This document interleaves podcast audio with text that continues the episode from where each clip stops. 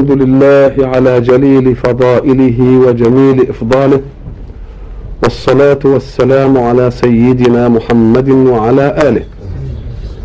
وبعد فقد انتهينا في اللقاء السابق إلى أن الله أهبط آدم وزوجه إلى الأرض بعد أن مسح عنهما بالتوبة التي علمهم أن يتوبوها.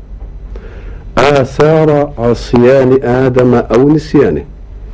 ليستقبل حياته في الأرض استقبالا نظيفا بخير بغير فزع يفزعه مما أقدم عليه من معصية.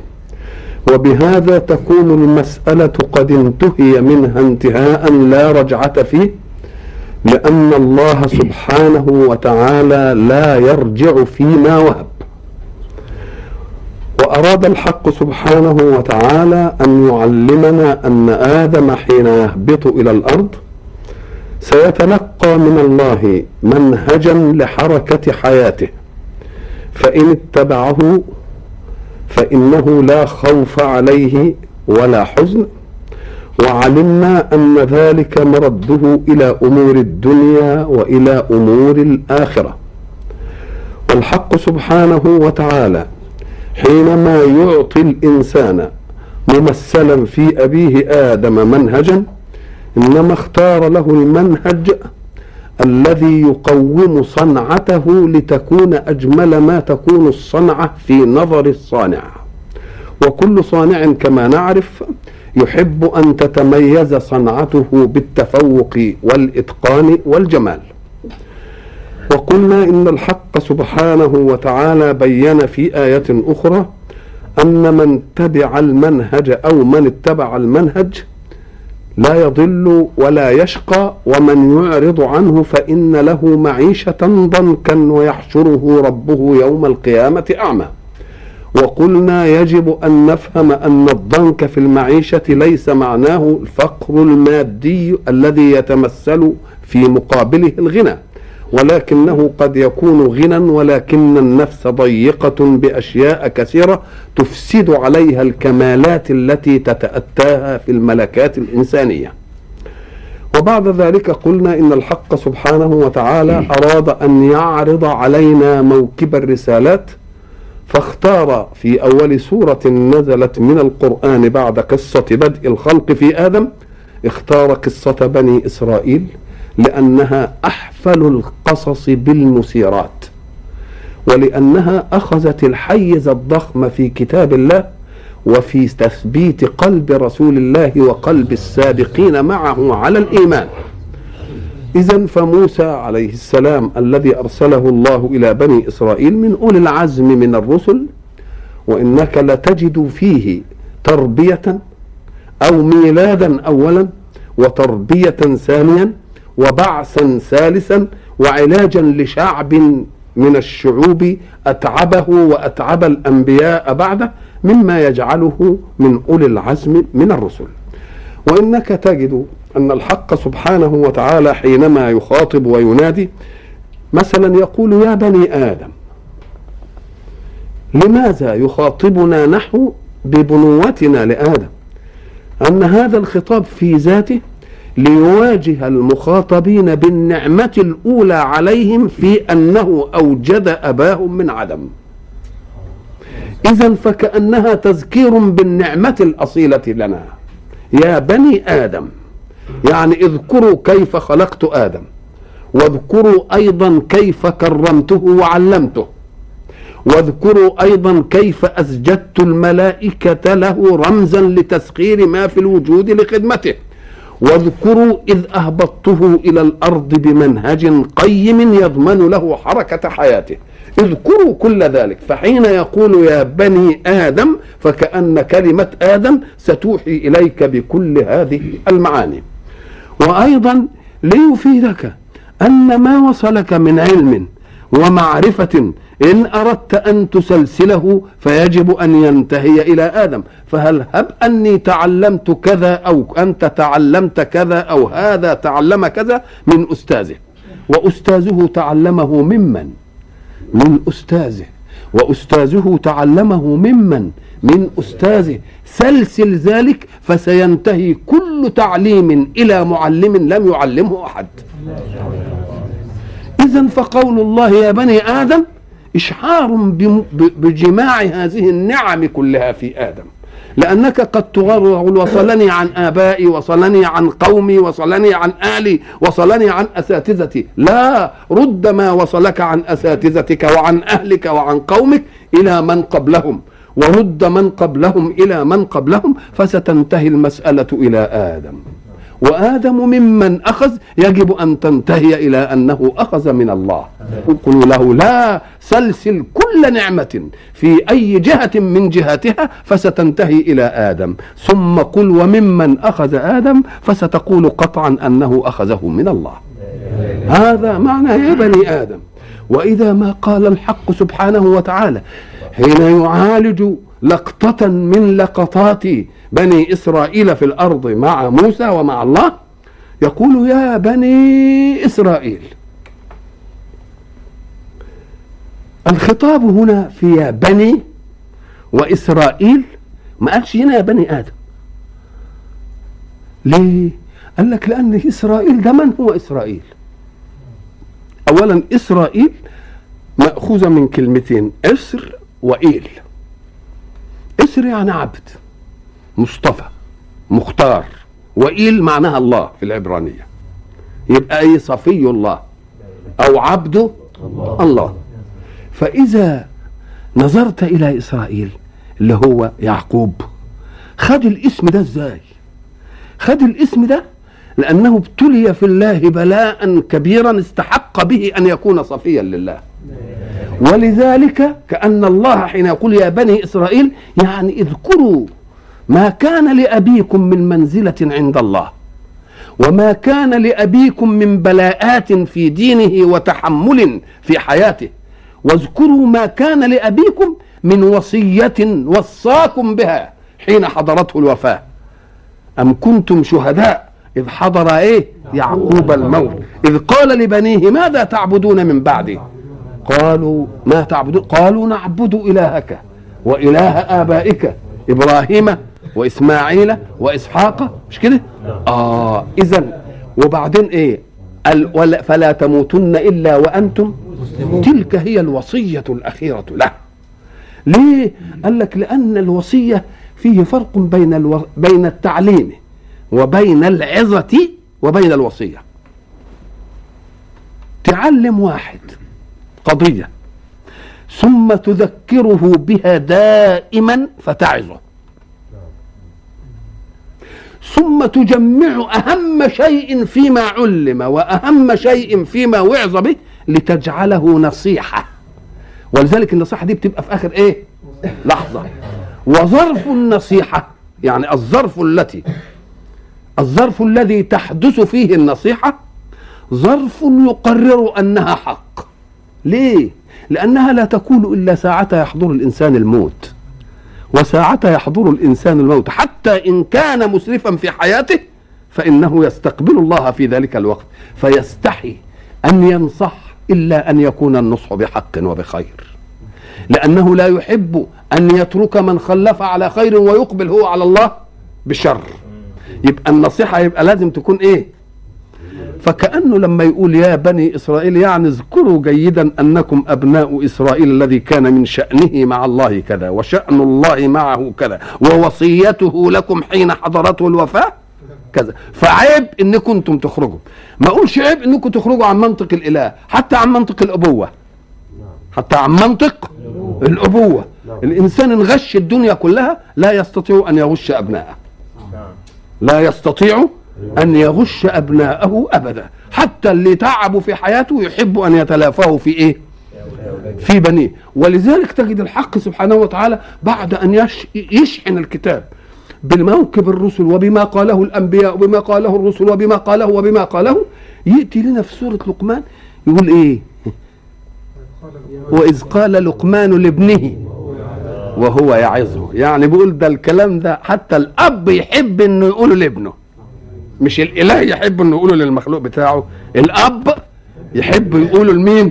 يحبوا يقولوا لابوه وإيه؟ إذ قال لقمان لابنه وهو يعظه يا بني إلى أن قال كذا وكذا وكذا فكأن الحق سبحانه وتعالى حين يكلفنا قيسوه حتى بحب الآباء للأبناء.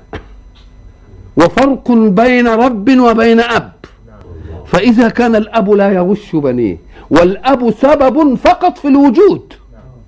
ولكن الرب هو الموجد بالفعل. فإذا كنتم تأمنون الآباء على نصح الأبناء فيجب أن إيه؟ أن تستأمنوا الله على نصح في خلقه. يبقى يا بني إيه؟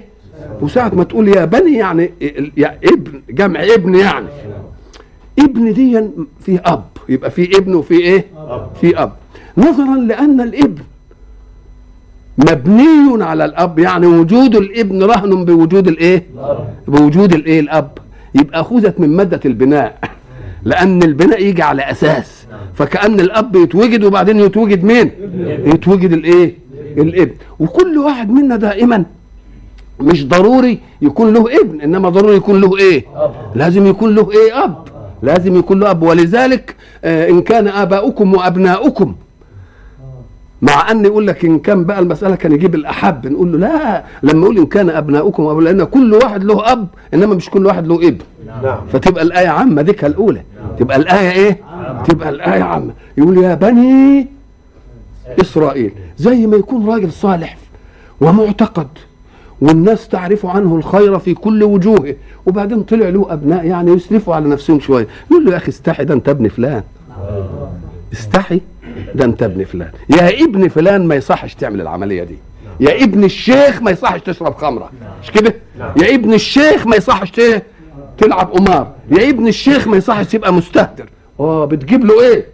بتناديه باللفظ الذي يقرعه إن خالف ما كان عليه المنادى به. يبقى يا بني إيه؟ يا بني إسرائيل. يا بني إسرائيل. إسرائيل هو يعقوب. وإحنا نعرف إن يعقوب ده ابن مين؟ ابن إسحاق. وإسحاق ابن مين؟ إبراهيم. ابن إبراهيم. كويس كده. إبراهيم خلف إسحاق وخلف إسماعيل. يبقى محمد صلى الله عليه وسلم من أبناء عمومتهم. من أبناء عمومتهم. على الأول. فلما يقول يا بني إسرائيل شوفوا الدقة الأدائية في القرآن. يا بني إسرائيل اذكروا نعمة الله. لما كان يجي خطيبنا نحن ما قلناش اذكروا نعمة الله إنما يقول اذكروا الله. لأن بني إسرائيل ماديين قوي فبقول حتى ما دامت أنتم ماديين شوفوا النعمة دي جاية منين. إنما إحنا لا أمة مش مادية. إحنا فيه فرق كما قلنا دائما بين أن يكون الإنسان مع النعمة وبين أن يكون مع المنعم. البدائيون يحبون للنعمة. وأنت إن أحسن إليك أي إنسان هتحبه ولا لا؟ نعم. وتطيعه ولا لا؟ نعم. إنما طب هب أساء إليك. تحبه قال نعم إذا كان ربا لأن الإساءة إساءة في نظري أنا وإحسان منه. نعم. أنا مانيش فاهم بس. نعم. أنا مانيش فاهم. يبقى إذا هو مع الإيه؟ مع المنعم. إحنا مع المنعم. لما نقول اذكروا الله يعني خلينا مع المين؟ مع المنعم. حتى وإن قبض نعمته فنحن معه. حتى وإن قبض نعمته فنحن إيه؟ ليه؟ أم قال لك لأنه يستحق أن يحب لذاته. يستحق أن يحب لذاته. ولذلك في الحديث القدسي يقول أولو لم أخلق جنة ونارا؟ أما كنت أهلا لأن أعبد؟ يعني حتى كان يصح أنني أعبد وإن لم أخلق إيه؟ جنة ونار. ده أنت لما تشوف واحد من غير جنسك ومن غير ملتك ويمكن ما بتشوفوش وعمل صنعة بديعة كده تقعد تتمدح وتقول يا سلام عليه إيه العظمة دي؟ إيه اللي مش عارف إيه؟ مع إن لا فايدك حاجة من الصورة ولا من التمثال ولا من أي حاجة من دي. الفضائل في ذاتها معجبة. فضائل في ذاتها معجبة. إذا فالمؤمن ينظر إلى فضائل ربه. والثاني بينظر برضه إلى إلى الإفضال الموصل للإيه؟ للفضائل. إنما فيه فرق. ولذلك ال- ال- الاهل أهل الله هم أهل الابتلاء منه. الابتلاء منه ليه؟ عشان يبين أنهم يحبونه. يقول الملائكة يقول يحبونني لذاتي يقول لا يحبونك لنعمتك. يقول وأقبضها عنهم ولا يزالون يحبونني. أنا أقبضها عنهم ولا يزالون يحبونني. من من عبادي من أحب دعاءهم فأنا أبتليهم ليقولوا يا رب. خلاص بيحب نداءه بيحب نداءه ولذلك الحق سبحانه وتعالى لما يجي يبتلي ابتلاءات شتى. أنواع الابتلاءات شتى. يوم لما يجي يبتلي الواحد في أعز شيء عليه الصحة. يبقى سلب عنه نعمته بالعافية. إنما ال- الجاهل هو اللي ينظر هذه النظرة. إنما المتعمق ينظر إلى أن الله يقول عبدي مرضت فلم تعدني. يوم يقول له كيف أعودك يا رب وأنت رب العالمين؟ قال أما علمت أن عبدي فلانا. مرض فلم تعده أما علمت أنك لو عدته لوجدتني عنده. يبقى إن فقد المريض نعمة العافية فإنه أنس بالمنعم بالعافية. يقوم المتأوهون بقى والمتألمون حين يذكرون أنهم في معية الله بسلب نعمة العافية عنهم يستحي أن يتألم. وما يحبش إن المسألة بقى تنتهي حتى قال بعضهم إني والله لأستحي أن أطلب الله أن أطلب من الله الشفاء والعافية حتى لا يظن أن ذلك زهد مني في رؤيته معي. استحى. ولذلك دول لا يرتقون ولا يكون ولا يكتوون ولا يتداوون ولا إنما هل كل الناس لا ربنا يسر لنا في الأسباب لتكون لنا منازل من القرب على قدر الحب؟ حملش الناس على وضع كله. لا لا لا ابدا. يعني اذا لما أقول اذكروا إيه؟ نعمة الله. يعني اذكروا نعمتي التي أنعمت عليكم. يبقى معناها إن لم أكن مستحقا لل... لذاتي فلا أقل استحوا من إن النعم اللي أنا مديها لكم دي تستحق إنكم تكونوا معي. يا ماديين. يعني اكونوا بيخاطب مين؟ بيخاطب الماديين. ومعنى ذكر النعمة. إيه النعمة اولا؟ هو الخير. ينفعك في حياتك. نفعا لا يتأتى منه ضرر. تبقى دي النعمة. ألم هاتوا أي نعمة من النعم. واعرضوها كده عرض. وشوفوا كل نعمة منها تستحق أن تكونوا تابعين لي ولا لأ. يبقى إذا معنى ذكرها يعني إيه؟ اذكروه لما إذا ذكرتم النعمة علمت علمتم أنكم لم تأتوها بذاتكم. فيجب أن تبحثوا عمن عمن أنعم إيه؟ عمن أنعم بها. يبقى إذا الذكر هو إيه؟ اذكروا. اذكروا نعمتي. اذكروا يعني إيه؟ الذكر هو الحفظ من النسيان.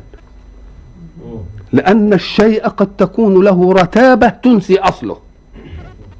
الشمس بتطلع كل يوم علينا والقمر بيجي بالليل والنجوم والمطر بينزل والمية بتجري رتابة إنما بقى ما ما توجعناش قوي الا لما السماء لا تمطر وبعدين يبقى فيه جفاف ويبقى فيه جدب. يا رب! آه. يبقى اذا رتابة الأشياء تنسي الأصل. فيقوم بقى يقول لك تملي اجعل الله على إيه؟ يبقى اذا الذكر معناه حفظ. من أن إيه؟ من أن ينسى. والذكر جريان الشيء على اللسان. إيه فايدة جريانه على اللسان؟ ما دام أنا هذكره في نفسي. أم قال لك لأن جريه على اللسان قد ينبهه غافلا عنه. نعم أنت ذاكر في نفسك. إنما لما تذكر ولذلك لما يكونوا جماعة قاعدين يوحدوا الله. يقولوا حتى الغافل إنما لو وحد الله في نفسه أخذ ثوابها لذاته. نعم ولكنه حين يجريها على لسانه يأخذ ثوابها وثواب من أجراها. ويخرج الناس من غفلتهم. ويخرج الناس من غفلتهم. والذكر أيضا الشرف. الذكر زي ما تقول فلان له ذكر وله نباهة شأن وله وجاهة وفلان عين في ال- آه، الشرف الشرف ده معناه إيه؟ يعني إن الواحد على في مكان عالي. بالنسبة للناس. واخذ مأخوذة على شرف يعني على مكان إيه؟ ولذلك استشرف يعني إيه؟ نظر إلى اعلى. يبقى الشرف هو الإيه؟ مكان. عالي وإنه لذكر لك ولقومك. القرآن.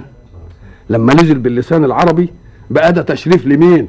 للسان العربي وللقوم العرب. وإنه لذكر لك ولإيه؟ ولقومك. عال اذا كلمة شرف دي يعني اللي إحنا بنقول ذكر لك اي أي شرف تقول له تعالى الشرف دي مكان حاجة مرتفعة. طيب الارتفاع ده إن كان من صنعتك لا تأمن أن يأتي مثلك فيتفوق عليك. اذا فالطموحات الإنسانية في الشرف طموحات محدودة لأنها على قدر علمك في مجال الشرف. مش كده ولا لا؟ لكن إذا كان الشرف من الواهب الأعلى يبقى شرف لا ي... لا يسامى يبقى شرف لا إيه؟ لا يسامى وأيضا فذكر انصح تبقى برضو النصيحة. يبقى اذكروا نعمة الله واخده الإيه؟ المعاني دي. ذكر الحق سبحانه وتعالى صحيح بن بنقول اذكر النعمة لأنها الأمر المباشر المادي الملحوظ لك. نعم. لتدلك على غيب مستور عنك. عظمته في أنه مستور. العظمة في أنه مستور. ولكن نبه عليه الظاهر. نبه عليه ولذلك إن أردت الله في آثاره فقل هو الظاهر. وإن أردت الله في بواعث القدرة التي فقل هو الباطن. فقل هو الباطن. الذكر ده بقى يبقى يعني ربنا دايما في إيه؟ في بالنا. ما فيش سبب يفتنا إيه؟ يفتنا عنه. إنما قدر الحق سبحانه وتعالى أن الإنسان قد تصيبه غفلة فاحترم الله الغفلة فينا. وقال لما تغفل برضو إيه؟ اذكر. ولذلك الناس الذين عاشوا عاشوا الله. معنى عاشوا الله يعني تملي؟ ربنا ببالهم حين يجلسون معا يتعالمون في باب العرفان وفي باب الفيض والإلهام. يوم يجي يعني يدلون على بعض. يقول لك الله يعلم أني لست أذكره. بالله لو سمعت هذه من واحد ماذا تقول فيها؟ تقول عليه ده زنديق. مش كده ولا لا؟ نعم نعم. وبعد ذلك يجيب لك العلة فيطلع إيه؟ إذ كيف أذكره إذ لست أنساه. آه. الله يعلم أني لست إيه؟ أذكره. لما تسمعها أنت تنخض. تقول ده بيخالف أمر ربنا اذكروني ومش عارف واذكروا الله مخالف ربنا. يقول لا إذ كيف أذكره إذ لست يبقى ما هو ما بيغيبش عني. ولذلك يجي واحد تاني يتعالم. يتعالم مثلا ويا الثاني يقول له ألا تشتاق إلى ربك؟ أيوه. فقال لا لا أشتاق إليه قالوا يا شيخ ألا تشتاق إلى الله؟ قال يا أخي إنما يشتاق إلى غائب. ومتى غاب حتى أشتاق عنه يا سلام. شوف الملاحظ إيه؟ ولذلك إيه؟ والملاحظ دي لما يجي مثلا واحد كده يقول لك آه، كلمة كده ما تبقاش يعني تتاخد قوي وشوفوا هيكمل يقول إيه؟ شوفوا هيكمل. ومن هنا نشأت الفجوة بين أهل الشطح وأهل الكلمات التي يقولونها يقولونها في حال من الأحوال وبين الذين يقفون على الدرج الأول. فلما انت تسمع الله يعلم أني لست أذكره هتنهز وتقول ده مش عارف إيه. وبعد ذلك لما تشوف التعليل تجد منتهى الإيه؟ منتهى الصحبة لله. إذ كيف أذكره إذ لست أنساه. والتاني بيقول لا لا أشتاق إلى الله لأن الله لأنه لا يشتاق إلا لغائب ومتى غاب حتى أشتاق له فيقول له الذي كان أمامه اذا سقط الشوق. سقط الشوق معناها إنني خلاص مش هيغيب عن إيه؟ مش هيغيب عن بالي. هذه المسألة في ذكر الله وذكر نعم الله مراتب واحد يذكر النعمة وواحد يذكر مين؟ يذكر المنعم. قال لك ليه؟ قال لك لأن مرة يكون في سلب النعمة عين النعمة. مرة يكون في سلب النعمة عين النعمة. نعم أنا ضربت مثل قلت إن ابني بيقول لي هات لي مسدس. وابني لسه سنه سبع ثمان سنين. أنا أظن ولا أجيبلوش المسدس. عدم مجيء له بالمسدس دي نعمة لأن أخاف لو واحد يشتمه. كان يكفي إنه يشتمه إنما معاه مسدس يمكن يضربه رصاصة. نعم يبقى أنا أنعمت عليه بأنني منعت عنه المعكرات والشر. يبقى قد يكون سلب الإيه؟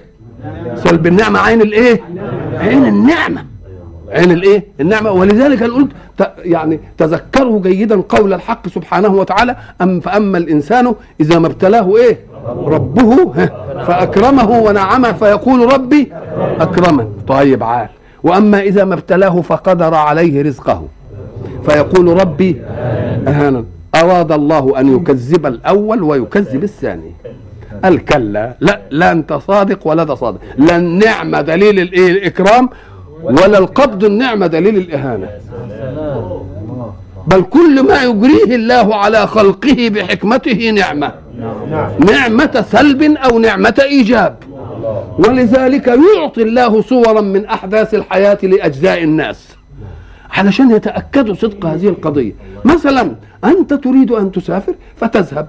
فتجد العربه قامت قبل ما تروح بخمس دقائق فكان وراك مشوار تحزن. وافتقدت إن فاتك خير. وبعد ذلك جت العربية في الدور الثاني اللي بعدها الميعاد الثاني. ومشيت قمت انت لقيت بالصدفة العربية دي اتصدمت والناس فيها أحداث.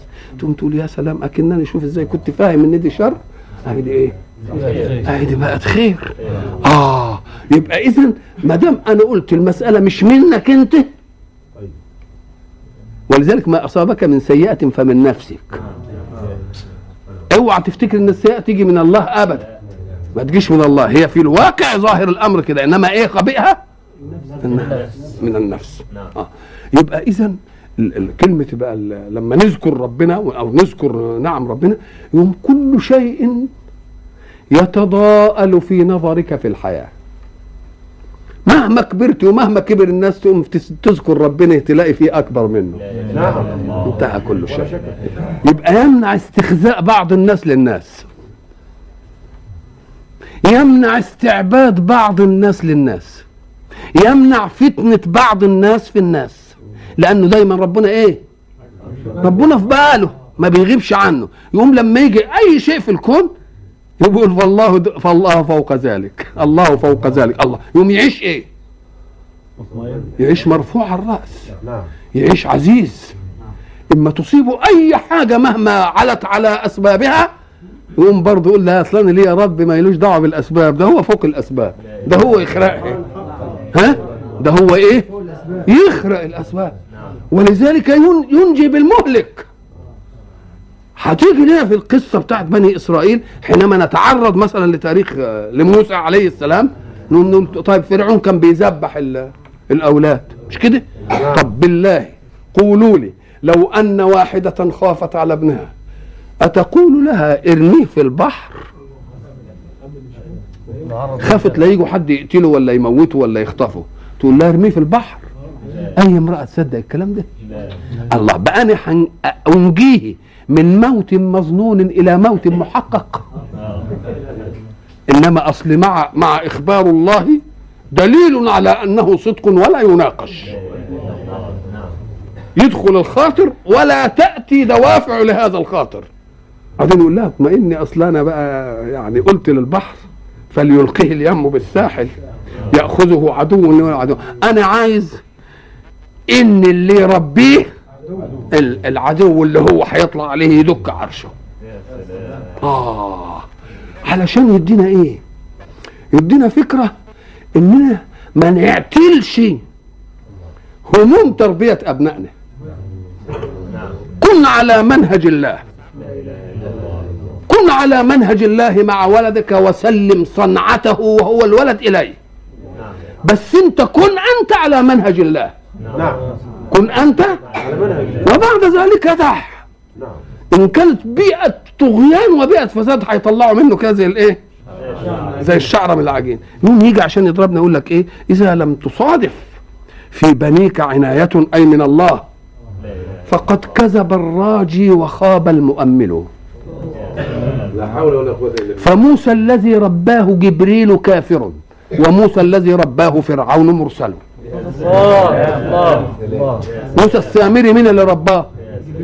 جبريل لأن أمه ولدته في الصحراء وماتت.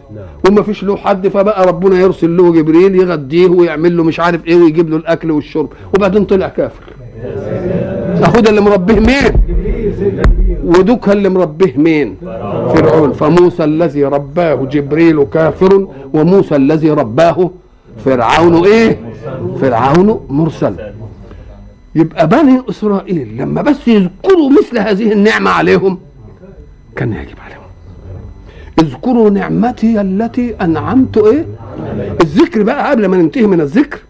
الذكر ده حين يذكر الإنسان النعمة ويتعالى في الذكر فيذكر المنعم يعيش آويا إلى ركن شديد.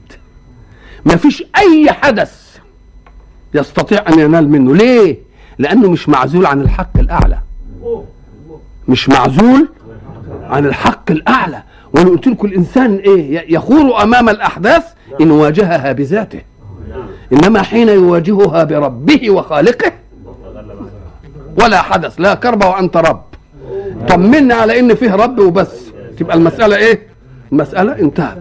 الذكر ده حتى في البشر. ما دام قلنا الذكر الشرف والبتاع ربنا سبحانه وتعالى وضع في قلوب الناس ما يحفزهم على الحركات الطموحية. يعني إن واحد يبقى م- مشهور في قومه. نابه الشأن. ليه؟ علشان يعمل السلالم اللي توصله إلى هذا. نعم. ساعة ما يعمل هو السلالم اللي توصله لأنه يبقى شريف يعني يدفع ثمنه يقوم الكون هينتفع ولا ما ينتفعش؟ الكون هينتفع ولذلك انت تلتفت تلاقي الإنسان مؤمن بأنه قطعا ميت. مفهوم ولا لا؟ لأنه ما شافش حد ما ماتش. نعم. حقيقة ما فيش منها فرار. نعم. وما دام يعرف إنه ميت وهو يحب الحياة يقوم لما يولد له ولد ينبسط لأنه ضمن أن ذكره بالولد سي... سيستمر جيل لما يولد للولد ولد تاني يس... ابنه حفيده يا سلام يبقى ضمن جيلين. ولذلك يبقى زعلان مش اللي هو اللي ما انجبش اللي ابنه ما انجبش. ويحاول إنه يطمن كده على إنه إيه؟ آه نعم. عايز يطمن كده على إن الولد يبقى عنده الله. عايز يطمن. ولذلك بنينا وإيه؟ وحفده علشان يبقى مطمن. دي عملية ربنا عاملها علشان يعمر الوجود ببقاء النوع. يوم يخليك تفهم إن الولد إيه؟ ذكر. نعم. إن الولد إيه؟ ذكر. ذكر. ولذلك ينبسط قوي لما قلنا إيه؟ يبقى له أولاد أدي أول انبساط وبعدين لما اولاده يجيبوا يا سلام يبقى إيه؟ مبسوط. وإن تقدم به العمر بقى وولد ولد وجاب كمان ده تبقى مسألة إيه؟ تبقى مسألة عظمة لأنه ضمن إنه إيه؟ إنما دي كلمة. بس هي معمولة علشان تستغل طاقتك لحركة الحياة وتعمل وتتجدعن. وإن كنت قدرت على نفسك الأول نفسك ولدك ما يتعبش تعبك ونفسك ابن ابنك ما يتعبش تعبك تقوم تتحرك في الحياة حركة. وحركة الحياة تنفع وإن لم تقصد. تنفع الغير وإن لم وإن لم تقصد أنت. أنا ضربت مثل الراجل اللي بنى عمارة وقعد عنده فلوس في البنك قال بدل أن تظل في البنك بدون فائدة لماذا لا أبني عمارة ويبني كذا دور وأجر الشقة بكذا ويجي.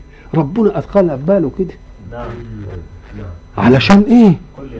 علشان الكل هينتفع وإن لم يقصد إنه ينفع اللي بيحفر واللي بيشيل التراب واللي بيضرب الطوب واللي بنى واللي غفق واللي عمل الأدوات الصحية واللي عمل الكهرباء واللي عمل البوية واللي عمل كله انتفع. يبقى قبل ما تبقى عمارة ها انتفع بها مين؟ أفقر الطبقات. نعم. قبل هو ما يستفيد منها إيه؟ ويمكن يجي له قانون يروح حاشش في وسطه كده ومحدد له البتاع ما تجيبش واحد المية نعم. مش ده اللي بيحصل؟ آه إنما العالم استفاد ولا ما استفادش؟ يبقى إذا الحركة مفيدة وإن لم يقصد المتحرك. وإن لم يقصد المتحرك فالحركة إيه؟ مفيده يقوم يقول لك خليهم داخلين في حكاية الذكر دي. عايز يبقى له ذكر خليه يعمل. ويتجدعن لأن الكل هي إيه؟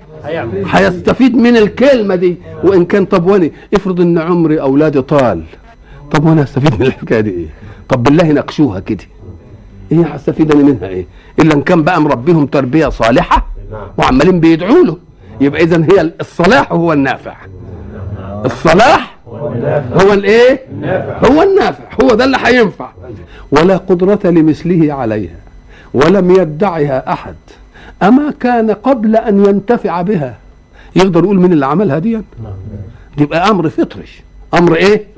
ومع ذلك نبهناه إلى أننا. نبهناه إلى أننا. ومع ذلك نبهناه إلى أننا إيه؟ فعلنا ولم نعارض من فاعل آخر. وما دام نبه على أننا فعلنا ولم نعارض من فاعل آخر فهي لنا إلى أن يظهر المعارض الجديد. أسأل الله سبحانه وتعالى أن يجمعني بكم في لقاء آخر لنستكمل بقية خواطرنا. السلام عليكم ورحمة الله.